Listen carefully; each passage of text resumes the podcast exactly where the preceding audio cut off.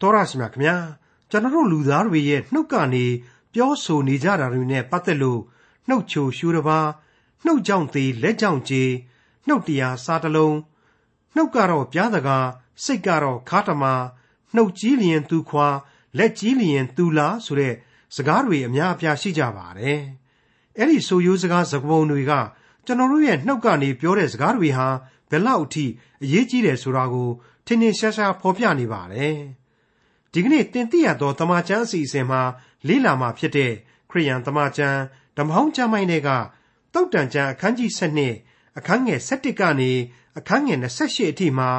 ကျွန်တော်တို့ရဲ့နှုတ်ဟာဘလောက်အထိအရေးကြီးတယ်ဘလောက်အထိသက်ရောက်မှုရှိတယ်တေရေးရှင်ရေးထိအောင်အရေးကြီးတယ်ဆိုတာတွေကို လေးလေးနက်နက်ဆင်ခြင်စရာဖော်ပြထားပါတယ်။မှုသာသုံးတဲ့နှုတ်ခမ်းကိုထာဝရအရှင်မြတ်စွာဘုရားသခင်ဟာ ဘယ်လောက်ဆက်ဆုပ်ရွံရှာတော်မူတယ်ဆိုတာကိုလည်းတွေ့ရမှာဖြစ်ပါတယ်။ပြင်းရည်သောသူသည် မုတ်ဆိုးလုပ်တော်လဲဖမ်းရသောအကောင်ကိုကင်၍မစားရဆိုတဲ့စကားရဲ့အတိတ်ပဲဖွင့်ဆိုခြင်းနဲ့အတူတုတ်တန်ကျမ်းအခန်းကြီး7အခန်းငယ်7ကနေအခန်းငယ်28အထိကိုဒေါက်တာထွန်းမြတ်ကြီးကအခုလိုသုံးသပ်ဖော်ပြมาဖြစ်ပါတယ်။တင်ပြရသောသမာကျမ်းသင်ခန်းစာများကိုလေ့လာနေတဲ့မိတ်ဆွေတွေအားလုံးအတွက် နှုတ်ကပတ်တော်မှတဆင့်သုတ်တန်ဩဝါဒစာတွေဟာအလွန်တရာကောင်းမွန်တဲ့လက်တွေ့ကျသောလောကဓမ္မတွေပြီးတဲ့နောက်အဲ့ဒီလောကဓမ္မတွေနဲ့တစ်ဆက်တစ်ဆက်တည်းတည်ရှိနေတဲ့လောကုတ်တရားကောင်းကျိုးချမ်းသာများအတွက်ကိုပါမိမောင်းထိုးပြသနေတယ်ကဲတင်ရင်ဂျေဇူးတော်အကြောင်းကိုတင်ပြနေတယ်ဆိုတာကိုမိษွေတို့အားလုံးနားလည်ထိတွေ့ကြရလိမ့်မယ်လို့ကျွန်တော်ဆိုချင်ပါတယ်ဒီကနေ့သင်ခန်းစာများကိုတော့သုတ်တန်ကျမ်းအခန်းကြီး7အငယ်7ကနေပြီးတော့ဘယ်လိုဖော်ပြလိုက်သလဲဆိုတာကိုစတင်နားဆင်ကြည့်ကြပါစို့ မိမိလေယာကိုလှုပ်သောသူသည်ဝါစွာစားရ၏အချီးနှီးသောအမှုကိုစောင့်သောသူမူကားညံချို့တဲ့၏ဒီနေရာမှာကိုယ်လေယာကိုကိုစိတ်ဝင်စားစွာအလုတ်လုတ်ပါဆိုတဲ့အချက်ဟာကိုဘဝမှာဘုရားသခင်ပေးအပ်ထားတဲ့တာဝန်တွေကိုကိုဟာကြည်ပြွန်ပါစေဆိုတဲ့အချက်ပါပဲစိတ်တွေမထွေပြားကြပါနဲ့သူများတွေမြှောက်ပေးတိုင်းရောင်ပေပေလျှောက်ပြီးမလုတ်ကြပါနဲ့ဆိုတဲ့အဆုံးအမဖြစ်ပါတယ်ပြီးတော့မှ အချီးနှီးသောအမှုကိုစောင့်သောသူဟာညံချို့တဲ့သူတနည်းအားဖြင့်လူမိုက်ဖြစ်တယ်ဆိုတာကိုဖော်ပြလိုက်ပါတယ်အင်္ဂလိပ်ကျမ်းစာနဲ့ရှင်ပြီးဖတ်လိုက်တဲ့အခါကျတော့စောစောကကျွန်တော်ပြောခဲ့တဲ့မြှောက်ပေးတဲ့လူတွေထင်ရမြင်ရတွေရှောက်ပြောတဲ့လူတွေနောက်ကိုကောက်ကောက်ပါပြီးတော့လမ်းမများကြပါနဲ့အကျိုးကျေးဇူးမရှိတဲ့အရာတွေပေါ်မှာအချိန်ကုန်မခံကြပါနဲ့ဆိုတဲ့သဘောပေါ်လွင်နေပါလေဒါဆိုရင်အချီးနှီးသောအမှုမဟုတ်အကျိုးကျေးဇူးရှိသောအရာဆိုတာဟာဘာလဲဆိုပြီးတော့ဆက်လက်စဉ်းစားเสียလို့လာပါလေ ကျွန်တော်တို့ကိုနှုတ်ကပတ်တော်ကတခြားလုံးဖော်ပြနေတဲ့အဖြေကတော့ဘုရားသခင်၏အလိုတော်နဲ့အညီလမ်းပြသောအရာဘုရားသခင်၏ဥဆောင်မှုနဲ့ကိုယ်စိတ်အတွင်းမှာအလိုတော်နဲ့ညီပြီးဆိုတဲ့အသိနဲ့ခံယူထားတဲ့အရာတွေဟာအကုန်အကျိုးရှိတာကြီးပဲဘုရားသခင်ကိုဆုတောင်းခွန်အားယူခြင်းမရှိဘဲနဲ့ကိုယ်စိတ်ကြိုက်ကိုယ်သဲကြည်ကြိုက်နဲ့ကိုလျှောက်ပြီးတော့လုံမိတဲ့အရာတွေမှန်သမျှဟာအကျိုးမဲ့တတ်တဲ့အရာတွေကြီးပဲလို့ပြတ်သားတဲ့အဖြေပေါ်လာတယ်လို့ကျွန်တော်ခံယူပါတယ်သုတ်တန်ကျမ်းအခန်းကြီး7အငယ်7မတရားသောသူသည် လူဆိုးသုံးတတ်သောကြော့ကွင်းကိုအလိုရှိ၏ဖြောက်မတ်သောသူ၏အမြင့်မူကားအသီးကိုတီးတတ်၏သုတ်တန်သင်ခန်းစာတွေမှာအကြော့ကြော့ပြန်နေတဲ့အဆုံးအမဖြစ်ပါတယ်။ဘာကြောင့်အကြော့ကြော့ပြန်နေရလဲဆိုရင်ဘုရားသခင်ကမှတ်မိစေခြင်းလို့ပဲဖြစ်ပါတယ်။ဒါဟာတက္ကသိုလ်ပမောက္ခတယောက်ကနေပြီးတော့တပည့်တွေကိုအခါခါထပ်ပြီးတော့သင်ပေးနေတဲ့သဘောမျိုးပဲလည်းဖြစ်ပါတယ်။တဖန်တလဲလဲကြားရခြင်းအဖြစ်မမေ့စေလိုသောနှုတ်ကပတ်သင်ခန်းစာပဲဖြစ်ပါတယ်။သုတ်တန်ကျမ်းအခန်းကြီး7အငယ်73မှ15 စကားလွန်ကျူးရာတွင်သိုးသောကြော့ခွင်းရှိ၏။ဖြောက်မတ်သောသူမူကားအမှုတဲကထမြောက်တတ်၏လူသည်မိမိနှုတ်ခမ်းအသီးကိုဝါစွာစားရ၏မိမိလက်လုတ်ရာအကျိုးအပြစ်ကိုလည်းခံရ၏မိုက်သောသူသည်မိမိပြုသောအမှုကိုမှန်သည်ဟုထင်တတ်၏အကြံပေးသောစကားကိုနားထောင်သောသူမူကားပညာရှိ၏စကားတွေပျောက်တော့လျှောက်ပြီးတော့ပြောခြင်းအဖြစ်အမှားတွေပါတတ်တယ်စကားများသောအဖြစ်အမှားတွေပါတတ်တယ်ဆိုတာကိုထပ်ပြီးပြောလိုက်တယ်လို့သတိပေးလိုက်တယ်လို့ နှုတ်ချိုရင်ရှို့တပါနှုတ်ထွက်စကားတွေဟာဆေးတပါးလိုအသုံးဝင်တတ်တယ်ဆိုတဲ့အချက်ကိုပါထည့်သွင်းဖော်ပြလိုက်တဲ့အတွက်အလွန်မျှတတဲ့အဆုံးအမလို့ကျွန်တော်ခံယူပါတယ်အတိတ်ဘယ်ကတော့တန်ဖိုးရှိတဲ့စကားတွေကိုသာပြောပါ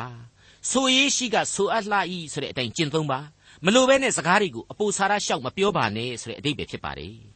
မိုက်သောသူဟာကိုကိုကိုမှန်တယ်ဆိုပြီးတော့ရမ်းတတ်တယ်အကြံကောင်းညံကောင်းကိုလက်မခံတတ်ဘူးဆိုတာတွေကတော့ရှောလမုန်မင်းကြီးရဲ့ သားကလေးဖြစ်တဲ့ယောဘောင်နဲ့ပဲကျွန်တော်တို့နှိုင်းလို့ရမယ်ထင်ပါတယ်အဲ့ဒီပုဂ္ဂိုလ်နဲ့ပဲလွယ်လွယ်ကလေးတက်တည်တင်နိုင်လိမ့်မယ်လို့ကျွန်တော်ထင်ပါတယ်ဒီယောဘောင်ဆိုတဲ့သားမိုက်ရဲ့အကြောင်းကိုဓမ္မရာဇဝင်တတိယစာဆောင်အခန်းကြီး7မှာအထင်ရှားကျွန်တော်တို့တွေ့နိုင်ပါတယ်ဓမ္မရာဇဝင်တတိယစာဆောင်အခန်းကြီး7အငယ်1မှ8ဣသရေလအမျိုးသားအပေါင်းတို့သည်ယောဘောင်ကိုရှင်ဘရင်အရာ၌ချီးမြှောက်ခြင်းဟာရှေခင်မြို့သို့သွားကြ၍သူသည်လည်းသွား၏ ရှောလမုန်မင်းကြီးထံမှအေဂုတ်ထုပြည်သို့ပြေးသောနေဗတ်၏သားယေရောဘောင်သည်ထိုသတင်းကိုကြား၍အေဂုတ်ထုပြည်မှပြန်လာ၏ဣသရေလလူတို့သည်သူ့ထံသို့လူကိုဆေလွှတ်၍ခေါ်သဖြင့်စီဝေသောပရိသတ်အပေါင်းတို့သည်သူနှင့်အတူရောပေါင်ထံသို့ဝင်လျက်ခမည်းတော်သည်ကျွန်တော်တို့၌လေးသောတဘိုးကိုတင်ပါပြီခမည်းတော်ထံမှပင်ပန်းစွာဆောင်ရွက်ရသောအမှုတင်တော်မူသောထံဘိုးလေးကိုပေါ့စီတော်မူပါ ထို့သောပြုတော်မူလျင်ကျွန်တော်တို့သည်အမှုတော်ကိုထမ်းပါမည်ဟုလျှောက်ဆိုကြသောယောဘောင်ကလည်းတင်တို့သွားကြအောင်လောသုံးရက်လွန်မှတဖန်လာကြအောင်လောဟုမိန့်တော်မူလျင်သူတို့သည်သွားကြ၏ထိုအခါယောဘောင်မင်းကြီးသည်ခမည်းတော်ရှောလမုန်အသက်ရှင်စဉ်အခါအထံတော်၌ခါစားသောအသက်ကြီးသူတို့နှင့်တိုင်ပင်၍ဤသူတို့အားငါပြန်ပြောရမည်အကြောင်းအဘယ်သို့အကြံပေးကြမည်နည်းဟုမေးတော်သူတို့ကကိုတော်သည်ယနေ့ဤသူတို့ဤကြုံခံလျက် သူတို့အမှုကိုစောင့်၍ကောင်းသောစကားနှင့်ပြန်ပြောတော်မူလျှင်သူတို့သည်အစဉ်ကိုတော်ဤကြုံခံကြပါလိမ့်မည်ဟုလျှောက်ထားကြ၏အသက်ကြီးသူတို့ပေးသောအကြံကိုယောပေါင်သည်မလိုက်ခါစားမြဲခါစားသောမိမိသူငယ်ချင်းတို့နှင့်တိုင်ပင်လျက်အဲ့ဒီလိုတွေ့ရပါတယ်လူကြီးသူမတွေကနေပြီးတော့ပညာရှိကြီးတွေကနေပြီးတော့အဲ့ဒီရှောလမုန်ရဲ့သားယောဘောင်ကိုသူ့အဖေလက်သက်တုံကလေးကပုံကန်နေခဲ့တဲ့ရေယောဘောင်ဟာအခုဣသရေလကိုပြန်လာပြီတနည်းအားဖြင့်တော့အလင်းဝင်လာပြီပေါ့ ပြီးတော့အဲ့ဒီရေယောဘောင်ကနေပြီးတော့အခွန်အတုတ်တွေကိုရှော့ကောက်ပေးပါခမညာအလုတ်တာဝန်တွေကိုလည်းရှော့ပြီးတော့ပေးပါကျွန်တော်တို့တွေလည်းဒီလိုဆိုရင်ပါဝင်ကူညီနိုင်ပါလိမ့်မယ်ဆိုပြီးတော့ပြောတာဟာကောင်းတယ်တိုင်းပြည်ငြိမ်းချမ်းရေးနဲ့တကွထီးနှမ်းမှလည်းတည်တည်ငြိမ်ဖြစ်အောင်ရောပေါင်ဘရင်ရဲ့အကျိုးအတွက်လည်းအကျိုးရှိနိုင်အောင်လို့သူတို့ရဲ့ဒီသဘုံတွေရဲ့အကြံဉာဏ်တွေကိုလက်ခံလိုက်ပါဆိုတာကိုအခုလိုအကြံပေးလိုက်တာပဲဖြစ်ပါတယ်ပညာရှိတွေပြီးပြီးရေရှည်ကိုကြိုမြင်ပြီးတော့အကြံပေးတာပေါ့ အဲ့ဒီလိုပညာရှိတွေရဲ့အကြံပေးတာကိုရောပေါင်ဟာလက်မခံပဲနဲ့သူ့တငယ်ချင်းလူဆိုးတွေနဲ့ပဲလူမိုက်တွေနဲ့ပဲတိုင်ပင်ပြီးတော့လူမိုက်တွေရဲ့စကားကိုပဲနားထောင်ခဲ့တယ်အဲ့ဒီတော့လူမိုက်တွေကိုယ်တိုင်ဟာကိုလှုပ်သမျှအကောင့်ထင်တယ်ဆိုတဲ့အတိုင်းပဲမဟုတ်တန်းတရားအကြံဉာဏ်တွေပဲပြီးတော့မှာပေါ့လူမိုက်တွေရဲ့အုံနောက်ကထွက်တဲ့အကြံဉာဏ်တွေလေအဲ့ဒါတွေကိုသွားလက်ခံတဲ့ရောပေါင်ကလည်းဘာထုလဲသူလည်းလူမိုက်ပဲပေါ့အဲ့တော့ငကိုတဲ့ကမှသူ့အဖေကိုတောင်းမှမကြောက်လို့ပုံကန်ခဲ့တဲ့ရေရောပေါင်ကိုသွားပြီးတော့လူမိုက်စကားတွေနဲ့ မင်းတို့အကြံဉာဏ်တွေကိုတခုမှငါလက်မခံဘူးဟေ့မင်းတို့မကျေနပ်ရင်လည်းကြိုက်တယ်လို့လို့ဆိုတာမျိုးတွေသွားပြောခဲ့တယ်ဆိုတာကိုတွေ့ရပါတယ်အဲ့ဒါနဲ့ပဲဣသရေလမှာယူဒအမျိုးဒါဝိဒ်မင်းဆက်ဟာတောင်ဘက်ချမ်းရဲ့ယူဒအမျိုးရဲ့ဗိယမိန်အမျိုးရဲ့လောက်ကိုသာအုပ်စိုးရပြီးတော့မြောက်ဖက်ဣသရေလဆိုပြီးတော့တခြားအမျိုးသားတွေဟာဒဇင်ထောင်ကုန်ကြတယ်အဲ့ဒီနည်းနဲ့တိုင်းပြည်နှစ်ချမ်းကွဲခဲ့ရခြင်းဟာဣသရေလတွေအတွက်နှောင်းကာလမှာကျွံဖြစ်ဖို့အထိအကြောင်းတွေဖန်လာခဲ့ရတယ်ဆိုတာတွေကိုယဉ်နှင်းပွဲကျွန်တော်တို့ပြန်တွေ့ရပါတယ် ဣသရေလသမိုင်းရဲ့အမဲဆက်ကြီးတွေပဲပေါ့အဲ့ဒီဓမ္မရာဇဝင်တတိယစာဆောင်အခန်းကြီး7အငယ်16ကနေ20အတွင်းမှာကျွန်တော်တို့အခုလိုပြန်လှန်တွေ့ရှိနိုင်ပါတယ်ဣသရေလအမျိုးသားအပေါင်းတို့သည်ရှင်ဘရင်နားမထောင်ကြောင်းကိုသိမြင်လျင်ငါတို့သည်ဒါဝိဒ်နှင့်အဘယ်သို့ဆက်ဆံသနည်းယေရှဲ၏သားနှင့်အဘယ်သို့အမွေခံရသေးသနည်းအိုဣသရေလအမျိုးသင်တို့နေရာသို့သွားကြအိုဒါဝိဒ် သင်၏အိမ်ကိုကြည့်ရှုလော့ဟုရှင်ဘရင်အားပြန်ပြောလျက်ဣသရေလလူတို့သည်မိမိတို့နေရာသို့ပြန်သွားကြ၏တို့ရတွင်ယူရမြို့ရွာတို့၌နေသောဣသရေလလူတို့ကိုယောဘောင်သည်အုပ်ဆိုးရသေး၏ထိုအခါယောဘောင်မင်းကြီးသည်အခွန်တော်ဝန်အဒေါနိယံကိုဆေလွတ်၍ဣသရေလလူအပေါင်းတို့သည်သူ့ကိုသေအောင်ကြောက်ခဲနှင့်ဖြစ်ကြ၏ယောဘောင်မင်းကြီးသည်ယထာတော်ကိုအလျင်အမြန်တက်၍ယေရုရှလင်မြို့သို့ပြေးလေ၏ထို့သောဣသရေလအမျိုးသည်ယနေ့တိုင်အောင်ဒါဝိဒ်မင်းမျိုးကိုပုန်ကန်ကြ၏ ယေယောဘောင်ပြန်လာကြောင်းကိုဣသရေလအမျိုးသားအပေါင်းတို့သည်ကြားသောအခါလူကိုဆေလွတ်၍ယေယောဘောင်ကိုစီဝေးရာပြိဿတ်သို့ခေါ်ပြီးလျှင်ဣသရေလအမျိုးကိုအုပ်ဆိုးရသောရှင်ဘရင်အရာ၌ချီးမြှောက်ကြ၏ယုဒအမျိုးမှတပါအဘယ်အမျိုးမှဒါဝိဒ်မင်းမျိုးတို့မစည်းကပ်အဲ့ဒီလိုဖော်ပြထားခြင်းဖြစ်ပါတယ်တနည်းအားဖြင့်တော့တိုင်းပြည်နှစ်ချမ်းကွဲခြင်းအစားလူဆိုးတွေနဲ့ဣသရေလရှင်ဘရင်တိုင်ပင်မိခြင်းကဆိုပြီးတော့ဖော်ပြရပါလိမ့်မယ် တခါတည်းယူရနိုင်ငံရဲ့ဣသရေလနိုင်ငံရဲ့ဆိုပြီးတော့နှစ်ချမ်းကွဲတော့တာပါပဲအဲ့ဒီလိုပါပဲရှောလမုန်မင်းရဲ့သားယောဘောင်ကမိုက်တယ်လို့ရေယောဘောင်ကလည်းမလိမ္မာခဲ့ပါဘူးသူထွက်ပြေးတဲ့အဲဂုတ်ထုကနတ်ကိုးကွယ်မှုတွေကိုယူလာပြီးတော့အဲ့ဒီနတ်ရုပ်တွေနဲ့လူတွေကိုသူ့ဘက်ပါအောင်စီယုံနေဇာတိပဂရိလူသားဆိုတာမျိုးဟာလေနံဝိညာဉ်ဖြစ်တဲ့ဘုရားသခင်တဲ့မြင်ရတဲ့နတ်ရုပ်တွေဘက်ကိုသာစိတ်ညှို့ပြီးတော့ဘုရားသခင်ကိုစွန့်ပစ်ခဲ့ကြတဲ့အထိအမှောက်မှောက်အမှားမှားတွေဖြစ်ကုန်ခဲ့ကြရတယ် သမိုင်းမှာအင်မတန်အကြီးတန်းအယုတ်ဆိုးတဲ့ဖြစ်ရပ်တွေနဲ့ဣသရေလလူမျိုးတို့ကိုးကွယ်ယုံကြည်မှုကအစပြတ်သုံးခဲ့ရတယ်ဆိုတာဒီကိုဝန်းနေပွဲကျွန်တော်တို့တွေ့နိုင်ပါတယ်ယူကျုံမရပွဲသောဣသရေလသမိုင်းကိုလေ့လာကြည့်မယ်ဆိုရင်အဲ့ဒီလောက်ထိရုပ်ပြက်ဆင်းပြက်တည်ဖြစ်ခဲ့ရပါတယ်မိษွေတော်တတ်ရှင်အပေါင်းတို့ခမညာအခုယောပေါင်တို့ရေယောပေါင်တို့ရဲ့ကိစ္စဟာနှုတ်ကပတ်တော်ကသုတ်တန်ကျမ်းတို့ပူပူနွေးနွေးလေးပဲရှောလမုန်မင်းကြီးစီရင်ရေးသားပြီးကစားအချိန်မှပဲဖြစ်ခဲ့ရတဲ့ဖြစ်ရတည်ပါပြီးတော့ ရှောလမုန်မင်းကြီးသေပြီးချိန်မှပဲသူ့သားရဲ့ခက်ကဒီအဖြစ်တွေကိုကျွန်တော်ဖော်ပြပေးလိုက်ခြင်းအပြင်နှုတ်ကပတ်တော်ဆိုတဲ့အသက်လမ်းကိုလူသားများဟာပမာမခန့်လှုပ်ချင်တဲ့ဇာတိပဂရိအပြစ်သားတွေဖြစ်တယ်ဆိုတာကိုအမှတ်ရစေဖို့အထူးပဲကောင်းမွန်တဲ့သင်ခန်းစာလို့ကျွန်တော်ခံယူပါတယ်သုတ်တန်ကျမ်းအခန်းကြီး7အငယ်16မိုက်သောသူ၏အမျက်ဒေါသသည်ချက်ချင်းထင်ရှားတတ်၏ပညာသတိရှိသောသူမူကားရှက်เสียအမှုကိုဖုံးတတ်၏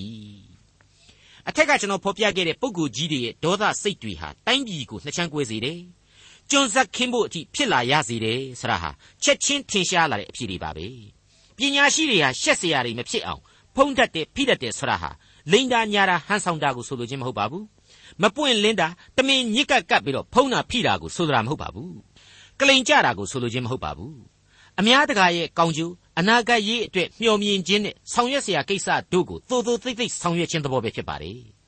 သုတ်တန်ကျမ်းအခန်းကြီး7အငယ်16မှ21မှန်သောစကားကိုပြောသောသူသည်ဖြောင့်မတ်ခြင်းတရားမမှန်သောတက်တီကိုခံသောသူမူကားမှုသာတရားကိုပြသတတ်၏တန်လျက်နှင့်ထိုးတဲ့ကဲ့သို့စကားပြောတတ်သောလူတချို့ရှိ၏ပညာရှိတို့၏ရှာမူကားအနာကိုပင်ပျောက်စေတတ်၏သစ္စာနှုတ်ခမ်းသည်အစဉ်အမြဲတည်မှုသာရှာမူကားခဏသာတည်၏ မကောင်းသောအကြံကိုကြံသောသူတို့၏စိတ်ထဲမှလှည့်စားတတ်သောသဘောရှိ၏ရံပြေစေခြင်းဟာအကြံပေးသောသူတို့၌ကဝမ်းမြောက်စရာအကြောင်းရှိ၏တရားသောသူ၌အမင်္ဂလာမရောက်ရမတရားသောသူမူကားအမင်္ဂလာနှင့်ပြည့်ဝရလိမ့်မည်ငါတို့ကတော့ဟေးမှန်တယ်ထင်ရင်ပိတ်ပက်ပြောပြလိုက်တာပဲဘသူမျက်နှာမှမထောက်နေဘူးဆိုပြီးတော့အင်မတန်အကြွားတန်တဲ့လူမျိုးတွေကိုကျွန်တော်တို့တွေ့ရတတ်ပါလေတိ လောကမှာကိုယ်အပါအဝင်ဘယ်သူမှအပြစ်မကင်းဘူးဆိုတာကိုသိနာလေကြပါနှစ်ပိတ်ပက်ပြောတိုင်းအကျိုးရှိရလားအကျိုးများရုပ်စေသလားဆိုတာကိုစဉ်းစားကြည့်ပါသုံးဘုရားသခင်ရဲ့မျက်နှာတော်ဟာအစဉ်ထောက်ထားเสียမျက်နှာတော်အဖြစ်တည်ရှိတည်နေတော်မူတယ်ဆိုတာကိုသတိရကြပါလို့ပြောချင်ပါတယ်ကျွန်တော်စောစောကပြောခဲ့တဲ့အတိုင်းပဲနှုတ်ချိုရင်ရှူတပါသို့မဟုတ်နှုတ်ချိုမယ်ဆိုရင်ဆေးပဲ့ဝင်တယ်ဆေးတပါဖြစ်စီတယ်ဆိုတာဟာကိုယ့်အတွက်လဲဆေးတပါဖြစ်တယ် သူတစ်ပါးအတွက်လည်းဆေးတစ်ပါးဖြစ်နိုင်တယ်ဆိုတာကိုသတိပြုစေချင်ပါလေနှုတ်ကြောင့်ကြေးတယ်လက်ကြောင့်သေတယ်ဆိုတဲ့ဗမာစကားရှိပါတယ်လက်နဲ့သတ်လို့လူကသေုံပဲသေတယ်စကားအပြောမတတ်တဲ့အခါကျတော့သူများကိုကြေမွသွားစေတယ်ဆိုလောက်အောင်ဖော်ပြထားတဲ့အတိတ်တရားအလင်ကားလို့ကျွန်တော်ခံယူပါတယ်ဒါဟာကျွန်တော်ကိုယ်တိုင်လေအပြောမတတ်တဲ့အတွက်ကြောင့်ဆဲတယ်လို့သူများခံစားသွားရအောင်မှားခဲ့ဘူးတယ်ဆိုတာကိုဝန်ခံရင်းနဲ့ကျွန်တော်ယုံကြည်သူအားလုံးတို့ဟာ ကိုကိုကိုစောင့်စည်းထိမ့်သိမ့်ဒဏ်သဖြင့်နှုတ်ကပတ်တော်နဲ့အညီစောင့်ထိန်ဖို့အထူးပဲလိုအပ်နေပြီလို့ကျွန်တော်ဖော်ပြလိုက်ပါရစေအငယ်22နဲ့23မှုသာသုံးသောနှုတ်ခမ်းသည်ထာဝရဘုရားဆက်ဆုပ်ယွန်ရှာတော်မူပွဲဖြစ်၏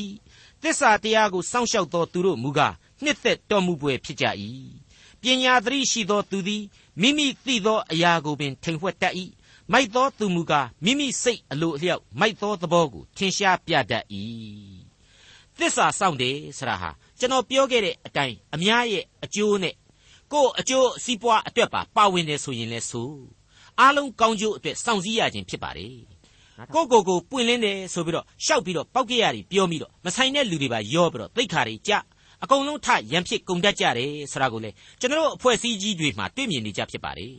အသင်းတော်တွေမှာလည်းဒီအတိုင်းပဲဖြစ်လိဖြစ်တာရှိတာကိုတွေ့ရတတ်ပါတယ် အခုကျမ်းတဲ့ကမိုက်သောသူဟာမိမိစိတ်အလိုအလျောက်မိုက်သောသဘောကိုထင်ရှားပြတတ်၏ဆိုတာကိုနည်းနည်းရှင်းပြပါလေ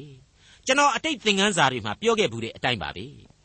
ထွတ်မြောက်ဝါကျမ်းထဲမှာဖော်ပြထားတဲ့အေဂုတ်ထုဘယင်ဖာရောနဲ့ပတ်သက်လို့ပါ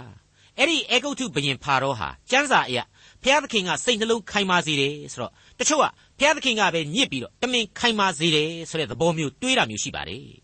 ဘုရားသခင်ကပဲတမင်ခိုင်မာခိုင်းတယ်ဆိုတာမျိုးမတွေးရပါဘူး ငကိုစိတ်ရိုင်းတွေကြောင့်ငကိုင်းထွက်တာပါ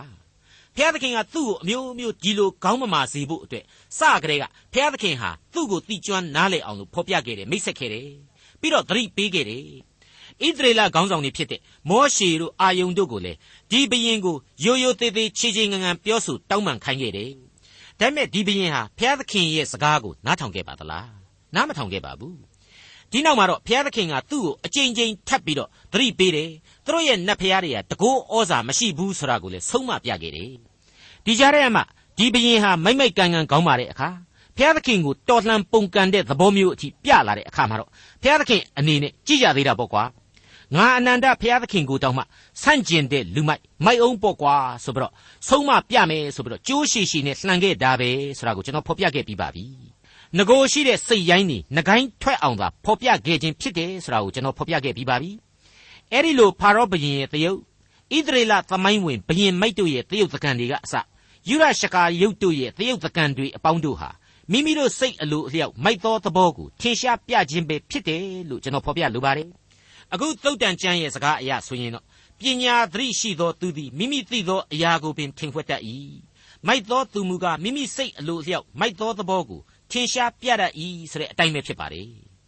သုတ်တန်ကျမ်းအခန်းကြီး7အငယ်24 လုံလဝရိယပြုသောသူသည်အစိုးရတတ်၏ပြင်းရည်သောသူမူကားအခွန်ပေးရ၏ဒါဟာကျွန်တော်ခေတ်အမြင်နဲ့တော့တမျိုးကြီးဖြစ်နေတယ်လို့ပြောလို့ရနိုင်ပါတယ်သေသေးချာချာစဉ်းစားတော့မှအတိတ်ဘယ်ကအလွန်ရှင်းနေပါတယ်ကကာလကုံဆုံးတဲ့အချိန်ကယ်တင်ရှင်သခင်ခရစ်တော်ရဲ့တရားစီရင်ခြင်းအချိန်ကာလမှာခရစ်တော်နဲ့အတူဘယ်သူရှိမလဲတမန်တော်ကြီးတွေရဲ့အဆင့်အတန်းကိုမမှီရင်တောင်မှရှေ့တန်းတနေရာမှာနေရမှာလား တို့ရိမဟုတ်အဆင့်နှိမ့်နှိမ့်ယုံကြည်သူအခွင့်အရေးလောက်နေပဲနောက်ဆုံးဒန်းလောက်မှာပဲရှိကြမှာလားဆိုတဲ့အချက်ကိုဖော်ပြလိုက်တယ်မိကွန်းထုတ်လိုက်တယ်လို့ကျွန်တော်ခံယူပါတယ်ကောင်းကင်နိုင်ငံတော်ကိုယုံကြည်ခြင်းအပြင်လူသားဟာရောက်ကိုရောက်ရလိမ့်မယ်ဒါပေမဲ့ယုံကြည်ခြင်းအကျင့်တရားနဲ့တော်လျော်တဲ့အဆင့်ခွဲခြားမှုတွေတော့ရှိနေလိမ့်မယ်ဆိုတာကိုနှုတ်ကပတ်တော်ရဲ့ဓမ္မသစ်သင်ခန်းစာတွေမှာတွေ့ရပါတယ်အခုသုတ်တန်ကျမ်းဟာထပ်မံဖော်ပြလိုက်ခြင်းလို့ကျွန်တော်ခံယူပါတယ်နောက်တစ်ခုကတော့အခွန်ပေးရခြင်းဆိုတာကိုအင်္ဂလိပ်က under tribute ဆိုပြီးတော့သုံးပါတယ်ကိုချောင်ကြည့်ဖို့အဖိနှိတ်မခံရဖို့အဖို့အခပေးရတယ်ဆိုတဲ့သဘောရှိပါတယ်ဒါဟာသမိုင်းအဆက်ဆက်လူအဖွဲ့အစည်းမှာတည်ရှိလာတဲ့စီးမြင်တစ်ခုပဲလို့ကျွန်တော်ခံယူပါတယ်ဒီတော့ဒီအချက်ဟာပြစ္ဆကကာလပြစ္ဆုတ်ပံကာလလူအဖွဲ့အစည်းအတွက်လေထကြွလုံးလာမရှိနိုင်ဘူးဆိုရင်တော့ညံ့နေမယ်ဆိုရင်တော့ဖြင်းနေမယ်ဆိုရင်တော့ပြင်းနေမယ်ဆိုရင်တော့သူများတဲ့အောက်တန်းနောက်တန်းကြရမှာပဲဖြစ်တယ်ဆိုတာဟာသိပ်ပြီးမဆန်းဘူးလို့ကျွန်တော်အတိတ်ပဲဖွင့်ဆိုပြရစီ သုတ်တန်ကျမ်းအခန်းကြီး7အငယ်25ဝန်းနေခြင်းအကြောင်းသည်ညှိုးငယ်စေတတ်၏ကောင်းသောစကားမူကားရှင်လန်းစေတတ်၏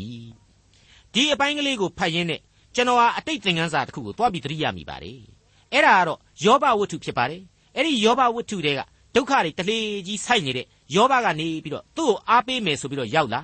ပြီးတော့မှဘာမှအားမပေးနိုင်ပဲနဲ့အပြစ်တွေကြီးပဲဖိပြီးတင်ခဲ့တဲ့မိษွေကြီးတွေကိုပြန်ပြောခဲ့တဲ့စကားကိုသတိရမိခြင်းပဲဖြစ်ပါတယ် ဟုတ်ပါတယ်ယောဘဝတ္ထုအခန်းကြီး6အငယ်24ကနေ30အတွင်းမှာအခုလိုယောဘပြောခဲ့ပါတယ်ငါ့ကိုဆုံးမကြပါတိတ်ဆိတ်လျက်နေပါမည်ငါမှားသောအရာကိုငါအားဖော်ပြကြပါမှန်သောစကားသည်တကိုးကြည့်၏သင်တို့ကဲ့ရဲ့သောစကားသည်အဘယ်မှနေရာကျသနည်းငါစကားပြောယုံကာမျှကိုအပြစ်တင်မြည်ကြံစီကြသလောမျော်လင့်စရာမရှိသောသူပြောသောစကားသည်လေသက်သက်ဖြစ်၏ အကယ်၍သင်တို့သည်မိဘမရှိသောသူငယ်ကိုနှိပ်စက်ကြ၏အဆွေခင်ပွန်းဖို့တွင်းကိုတူးကြ၏ငါကိုစိတ်မရှိဘဲကြည့်ရှုကြပါလောသင်တို့ရှေ့မှငါလှည့်စားသလောပြန်၍ဆင်ခြင်ကြပါမတရားသဖြင့်မပြုကြပါနှင့်ပြန်၍ဆင်ခြင်ကြပါဤအမှု၌ငါသည်ဖြောင့်မတ်ပါ၏ငါရှာ၌ကောက်သောသဘောရှိသလောငါသည်မြည်ဆန်း၍အပြစ်ပါသောအရာကိုပိုင်းခြားမသိနိုင်သလောအဲ့ဒါဟာဘုရားသခင်ရဲ့အလိုတော်ကိုဘာဆိုဘာမှမသိ ဘုရားသခင်ရဲ့စွမ်းအားတတ္တိကိုဘာဆိုဘာမှမသိဘုရားသခင်ရဲ့ဘုံတကူတော်ကိုလည်းနားမလဲဘုရားသခင်ရဲ့သဘောတော်ကိုလည်းလွဲမှားပြီးတော့ခံယူနေတဲ့လူတွေကိုယောဘပြောခဲ့ရတဲ့စကားတွေပဲဖြစ်ပါတယ်ကျွန်တော်ရဲ့ပတ်ဝန်းကျင်မှာဆိုရင်အားပေးဖို့လိုအပ်နေတဲ့လူတွေအများကြီးရှိနေပါတယ်အပြစ်တင်မစောကြပါနဲ့တတ်နိုင်သည်အကျိုးသင့်အကြောင်းသင့်အားပေးကြပါနားလည်မှုကြီးကြီးနဲ့မေတ္တာဝေမျှကြပါဆိုတဲ့သဘောကိုအခုအပိုင်းမှာဖော်ပြလိုက်တာပဲဖြစ်ပါတယ်ဝန်းနေခြင်းအကြောင်းသည်ညှိုးငယ်တတ်၏ ကောင်းသောစကားမူကားရှင်လန်းစေတတ်၏တဲ့သုတ်တန်ကျမ်းအခန်းကြီး7အငယ်26ဖြောင့်မတ်သောသူသည်အိမ်နီးချင်းကိုလမ်းပြတတ်၏မတရားသောသူလိုက်သောလမ်းမူကားသူ့ကိုပင်လှည့်စားတတ်၏ရည်စရာမကောင်းဘူးလားမဟုတ်တန်တရားသမားတွေဟာကိုကိုကိုဟုတ်လာပြီလို့ထင်နေတာတွေဟာနောက်ဆုံးကျတော့ကိုယ်တိုင်ပြန်ပြီးတော့ခံရတတ်တယ်တဲ့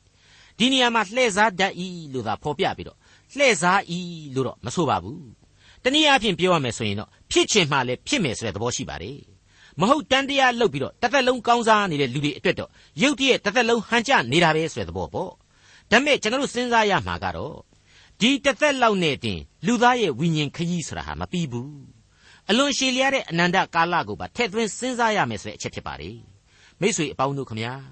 ကျွန်တော်တို့လူသားရဲ့အုံနောက်ရဲ့လူသားတို့ရဲ့တွက်ကင်းရဲ့ဆိုတာရဲ့ဟာလူသားအဆင့်တည်းမပုံနိုင်ပါဘူး လောကစည်းစိမ်နဲ့သာတိုင်းတာတယ်လောကအသက်တာနဲ့သာတိုင်းတာတယ်ဒါဟာလဲသိပ္ပံကြီးကြတယ်ဆိုပြီးတော့အဟုတ်ကြီးမှတ်နေတတ်ကြပါတယ်အမှန်တော့အဲ့ဒီသိပ္ပံကြီးကြပါတယ်ဆိုတဲ့လောကကြီးမှာတယ်ပဲဘာတွေဖြစ်တတ်တယ်လဲပြက်တတ်တယ်လဲဆိုတာကိုစဉ်းစားကြည့်ပါအဲ့ဒီလောကကြီးမှာတယ်လေသိပ္ပံနည်းနဲ့မတွက်နိုင်တဲ့လောကရန်ဆင်းရဲခြင်းတွေအပအဝင်လူတွေနားမလည်နိုင်တဲ့ဒုက္ခအခက်အခဲကြီးတွေဆိုတာပေါ်ထွန်းတတ်တယ်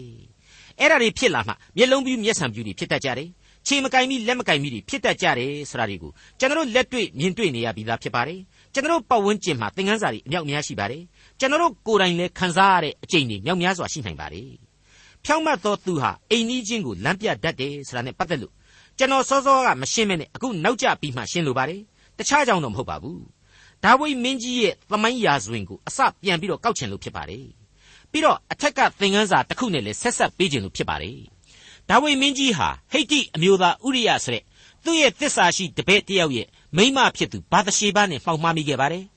အဲ့ဒီလိုမှောက်မှားခြင်းဟာလေကျွန်တော်သင်ခန်းစာတွေမှာဖော်ပြခဲ့တယ်လို့ပဲလက်ခုပ်များနှစ်ဖက်တီးမှမြည်တယ်ဆိုတဲ့အတိုင်းပဲဒါဝိမင်းကြီးကိုညအချိန်မတော်ကြီးမှာစင်ကြံလျှောက်တတ်မှန်သိတဲ့အတွက်ကြောင့်ဘာသရှေဘဟာတမင်ဆွဲဆောင်ခဲ့လေသလားဆိုပြီးတော့စဉ်းစားစရာရှိတယ်ဆိုတာကိုလည်းကျွန်တော်ဖော်ပြခဲ့ပြီးဖြစ်ပါတယ်ဒါဝိဒ်ကိုမျက်နှာလိုက်ပြီးတော့အပြစ်မရှိတဲ့သဘောလုပ်ချင်လို့မဟုတ်ပါဘူး အခြေအနေတွေဟာအဲ့ဒီလိုဖြစ်ကောင်းရဲ့ဆိုတဲ့အချက်ကိုသိသာစေခြင်းလို့ပါဘယ်လိုပဲဖြစ်ဖြစ်ဒီအမှားကြီးဟာဒါဝိဒ်အသက်တာရဲ့အမဲစင်းတွေကိုထင်ကနေဖြစ်စေခဲ့တယ်ဆိုတာမငြင်းနိုင်ပါဘူးကြောက်မဲ့ဖွယ်ကောင်းလာတဲ့ဒီဒုစရိုက်ကြီးကိုဘာသရှေဘရဲ့ယောက်ျားဥရိယကိုသေကွင်းစီအထိပို့လိုက်ခြင်းအပြင်ဒါဝိမင်းကြီးတယောက်ကြက်သိမ်းမွေးညင်းထလောက်တဲ့အေယာမသွေးစွန်းမှုကြီးအထိဖြစ်ခဲ့ရတယ်ဆိုတာကိုကျွန်တော်မငြင်းနိုင်အောင်တွေ့ကြရပြီးဖြစ်ပါတယ်အဲ့ဒီအချိန်မှာဧကရစ်ဘရင်သဲဥဆန်ပိုင်ဒါဝိဒ်ကို အသက်ဖက်နဲ့ထုတ်ပြီးတော့လမ်းပြခဲ့တာကတော့ဖြောင့်မတ်တော်သူလို့ဆိုရမယ်နာသန်အမည်ရှိတဲ့ပရောဖက်ဖြစ်ခဲ့ပါတယ်ဒါကိုကျွန်တော်တို့အနေနဲ့ဓမ္မရာဇဝင်ဒုတိယစာဆောင်အခန်းကြီး7မှာအခုလိုပြန်ပြီးတော့တွေ့နိုင်ပါလိမ့်မယ်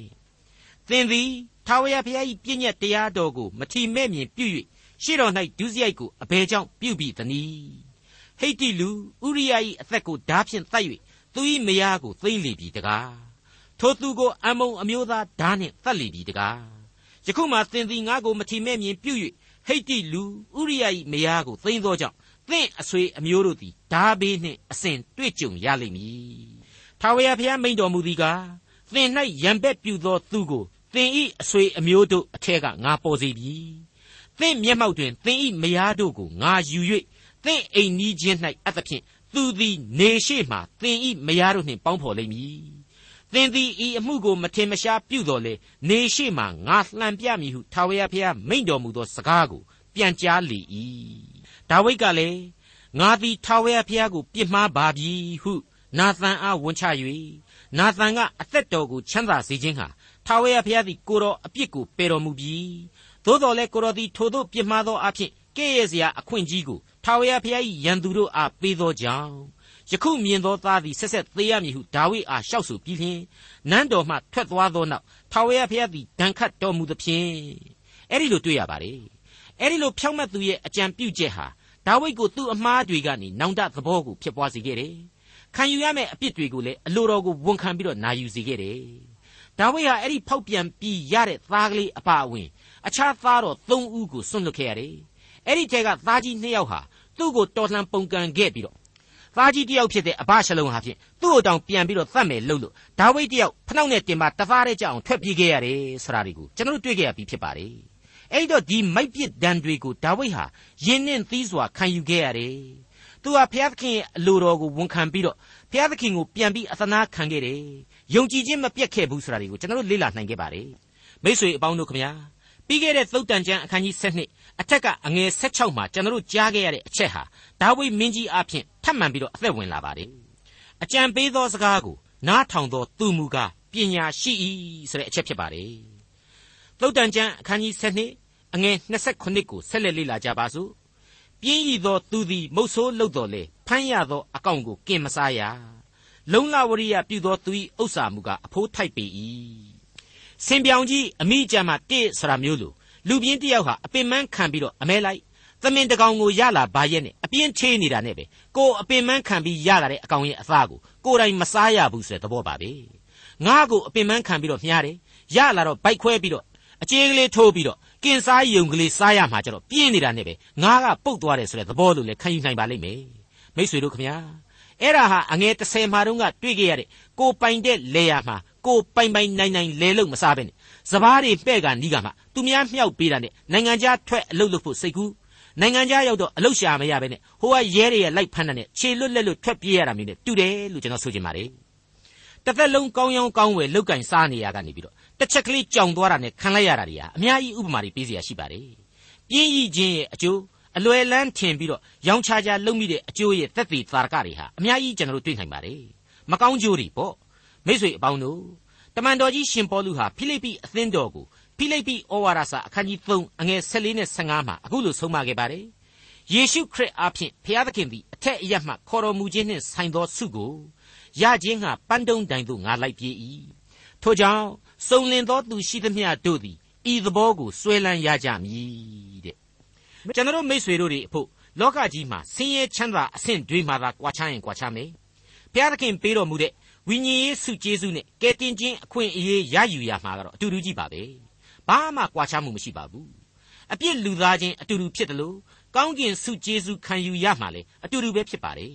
ဘုရားသခင်ပေးတော်မူသောဘဝအခြေအနေအမျိုးမျိုးမှာဘုရားသခင်ပြုတော်မူသောကျေးဇူးတော်တို့ကိုပြည့်မီအောင်ရယူခံစားနိုင်ကြပါစေဆိုပြီးတော့ကျွန်တော်သုတ်တန်ကျမ်းအားဖြင့်တိုက်တွန်းအားပေးလိုပါတယ်သုတ်တန်ဆရာကလည်းအထက်ကဖော်ပြခဲ့တဲ့လောကဓမ္မသဘောတရားဩဝါဒစကားများကိုပို့ချပြီးတဲ့နောက်ဆုံးမှာအခန်းကြီး7ကိုအဆုံးသတ်ပေးလိုက်ပါတယ် ဖြောင့်မတ်ခြင်းတရားလမ်း၌သေဘေးမရှိအသက်ချမ်းသာလမ်းဖြစ်၏ဒေါက်တာထွန်းမြတ်ရေးစီစဉ်တင်ဆက်တဲ့တင်ပြရသောတမချန်းအစီအစဉ်ဖြစ်ပါတယ်နောက်တစ်ချိန်အစီအစဉ်မှာခရိယန်တမချန်းဓမ္မဟောင်းကျမ်းပိုင်းတွေကတုတ်တန်ကျမ်းအခန်းကြီး73ကိုလေ့လာမှဖြစ်တဲ့အတွက်စောင့်မျှော်နားဆင်နိုင်ပါတယ်။